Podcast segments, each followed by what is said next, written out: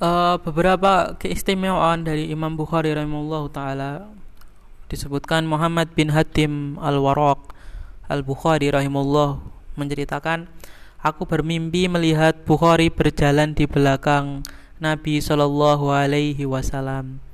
Setiap kali Nabi mengangkat telapak kakinya maka Abu Abdillah maksudnya Bukhari maka Abu Abdillah pun meletakkan telapak kakinya di situ disebutkan dalam kitab uh, Imam Az-Zahabi itu Syiar A'laman Nubala jadi seakan-akan apa yang dilakukan oleh Imam Bukhari apa yang diriwayatkan oleh Imam Bukhari uh, begitulah tidak melenceng sedikit pun dari uh, apa yang dilakukan Nabi alaihi wasallam Selain itu, beliau juga terkenal memiliki hafalan yang luar biasa. Muhammad bin Ismail Imam Bukhari hafal 100 ribu hadis sahih sanad dan matanya jadi bukan cuman potong-potong melainkan lengkap dengan sanatnya muat dari siapa? Dari an an hadatsana sampai ke Nabi Wasallam dan juga matanya dan juga hafal 200 ribu hadis yang tidak sahih sanad dan matanya sebagaimana uh, pernyataan beliau uh, akhfadu ma akhfadu ma akhfadu uh, mi'ata alfin hadithin sahih saya hafal 100 ribu hadis sahih. wa ma dan 200 ribu hadis yang tidak sahih. Selain itu juga uh, kehebatan kehebatan hafalan beliau itu tampak ketika ulama Baghdad mendengar akan kedatangan Abu Abdillah ke Baghdad. Maka dengan sengaja mereka itu mempersiapkan 100 hadis dan kemudian menukar dan merubah matan dari sanatnya. Jadi e, mereka tuh menukar matan sanat satu dengan teks hadis yang lain dan begitu sebaliknya. Dan jadi diutus setiap orang itu memegangi 10 hadis yang nantinya akan dilontarkan ke kepada Abu Abdillah sebagai bahan ujian kekuatan hafalannya. Dan tidak janjian dan orang-orang pun tuh berkumpul di dalam majelis. Orang pertama itu menanyakan kepada Imam Al-Bukhari 10 hadis yang ia miliki satu persatu. Dan setiap kali ditanya Imam Bukhari itu menjawab sampai yang ke-10 Saya tahu mengenalnya hadis itu dengan sanad yang disebutkan. Para ulama yang hadir pun saling menoleh kepada yang lain berkata oh, Orang ini benar-benar paham Sementara orang yang tidak tahu tujuan majelis itu Tujuan majelis ujian tadi yang dirancang tadi uh, uh, Menilai Imam Al-Bukhari sebagai orang yang lemah hafalannya Kemudian tampillah orang kedua e, melakukan hal yang sama dan setiap kali mendengar satu hadis beliau berkomentar sama aku tidak mengenalnya. Selanjutnya tampil orang ketiga sampai orang terakhir dengan komentar yang sama. Jadi semua hadis yang diajak itu Imam Bukhari mengatakan aku tidak tahu karena memang hadisnya salah. Dan setelah semua selesai menyampaikan hadis-hadisnya, Imam Bukhari menoleh ke arah orang-orang ke ke arah orang pertama seraya meluruskan hadismu yang pertama mestinya demikian, yang kedua mestinya demikian, yang ketiga mestinya demikian sampai membenarkan hadis yang ke-10.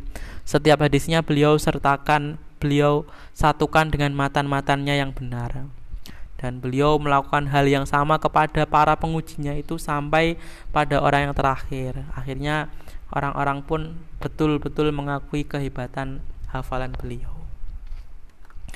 E, selain di Baghdad, di Samarkand, beliau pun menghadapi hal yang sama. Bahkan selama tujuh hari berturut-turut, empat ratusan ulama hadis itu menguji beliau dengan hadis-hadis yang sanat-sanat dan nama dan nama rijal nama rijal itu para perawi yang telah dicampur adukkan menempatkan sanat perawi Syam ke dalam sanat perawi Irak kemudian sanat dari perawi Yaman ke dalam sanat perawi Hijaz.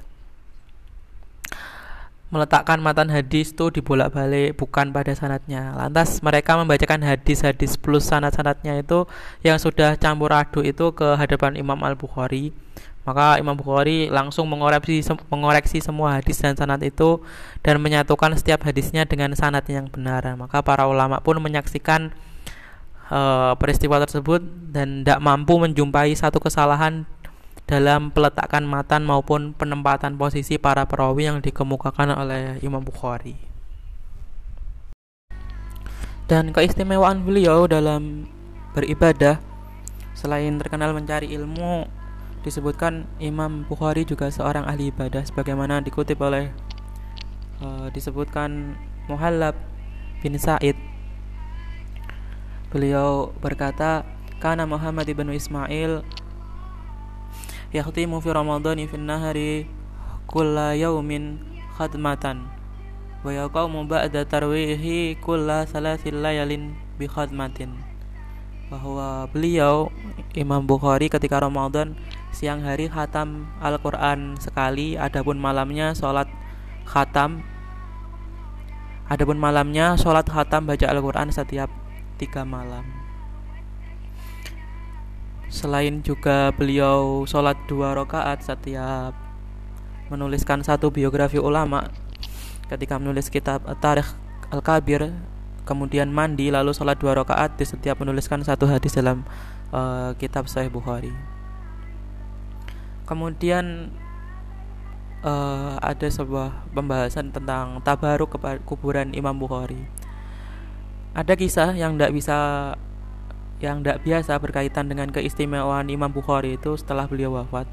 Pada tahun 464 Hijriah terjadi kekeringan. Tidak turun hujan di kota di negeri Samarkan maka mereka melakukan sholat istisqa itu di dekat kuburannya Imam Bukhari.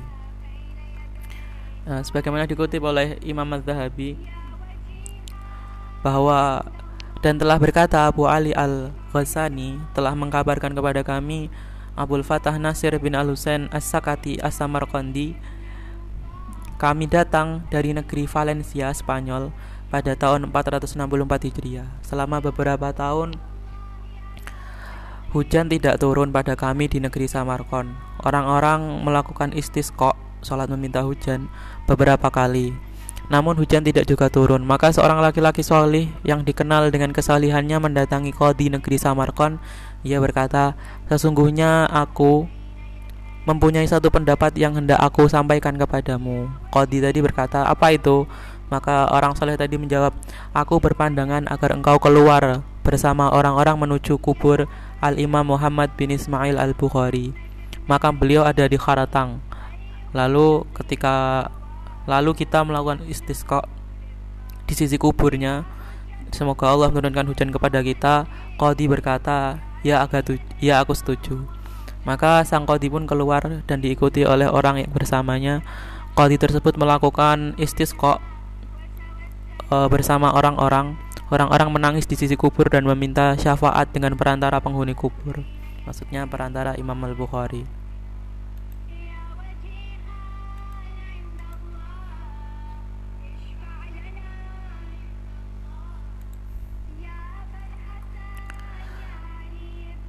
Uh, maaf, maka sang kodi pun keluar dari keluar dan diikuti oleh orang-orang bersamanya Kodi tersebut melakukan istisqa bersama orang-orang. Orang-orang menangis di sisi kubur dan meminta syafaat dengan perantara penghuni kubur atau ya Imam Bukhari.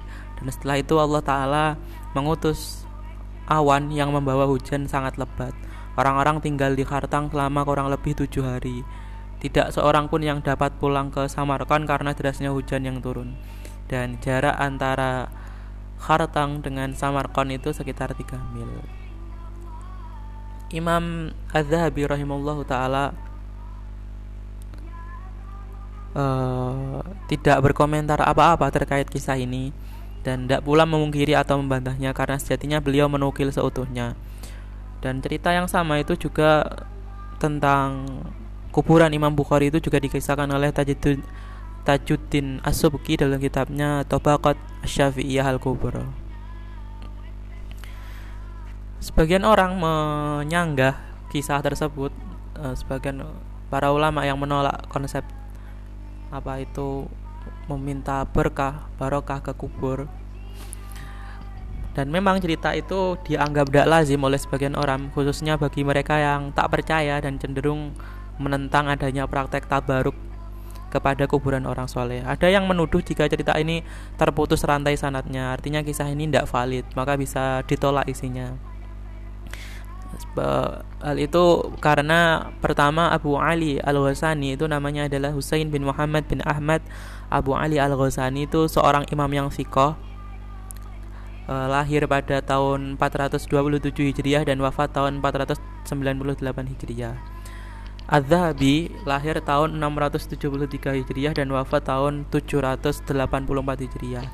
Dan Tajuddin As-Subki lahir tahun 727 Hijriah dan wafat tahun 771 Hijriah. Riwayat tersebut itu sebagian orang yang menolak konsep tabaruk itu dianggap terputus karena antara Abu Ali Al-Ghazani wafat tahun 498 Hijriah dengan Imam Az-Zahabi itu yang wafat tahun 748 Hijriah dan Imam As-Subuki rahimahullah taala 727 Hijriah itu terdapat jarak yang cukup jauh sekitar dua abad lamanya. Apalagi kejadian tabaruk di makam Imam Bukhari itu terjadi pada tahun 464 Hijriah. Dengan kata lain, e, riwayat ini itu dianggap tidak sah. Tapi benarkah demikian? Benarkah riwayat tentang tabaruk kepada imam kepada kubur orang soleh dalam kasus ini kepada Imam Bukhari itu tidak benar? Maka ada bantahannya. Disebutkan ternyata kisah yang dibawakan oleh Imam Az-Zahabi dan Asub Asubki tersebut tidak terputus sanatnya. Sanat periwayatannya itu sahih. Riwayat itu telah disebutkan sendiri oleh Al-Hafidh Abu Ali Al-Ghazani dalam kitabnya Taqidul Muhmal wa Tamyizul Mushkal. Dan redaksinya itu persis dengan yang dinukil oleh Az-Zahabi sebagai berikut. Uh, disebutkan uh, sama. Dan jika kita lihat Al-Hafidh Abu Ali Al-Ghazani itu pendapat cerita ini dari mendapat cerita ini dari Abdul Hasan Tahir bin Mufawwir ibn Abdullah bin Mufawwis al-Mu'afiri. Beliau murid dari Al-Hafiz ibn Abdul Bar. Dan Al-Hafiz ibn Abdul Bar itu seorang imam yang terkenal dengan hafalan hadisnya dan kekuatan hafalannya itu yang mutqin yang kuat.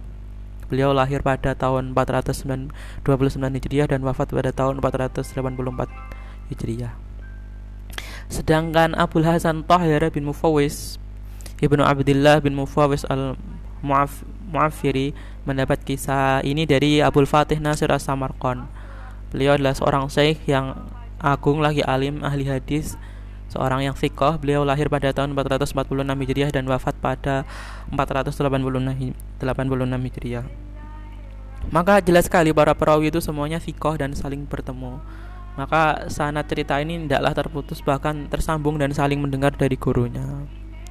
Uh, maksudnya jika dibantah cerita di atas itu karena kevalidan sanatnya maka uh, sanatnya valid dan dan itu sahih bisa dipertanggungjawabkan. Artinya uh, tuduhan itu tuduhan bahwa kisah tadi itu tidak benar karena sanatnya uh, terpotong itu sudah batal itu artinya ziarah kubur ulama itu sudah ada dan dilakukan oleh umat Islam itu sejak dahulu bahkan oleh uh, para salaf. Tidak seperti yang dituduhkan bahwa ziarah kubur itu uh, lebih dekat kepada kesyirikan dan tidak dilakukan dijauhi oleh ulama salaf.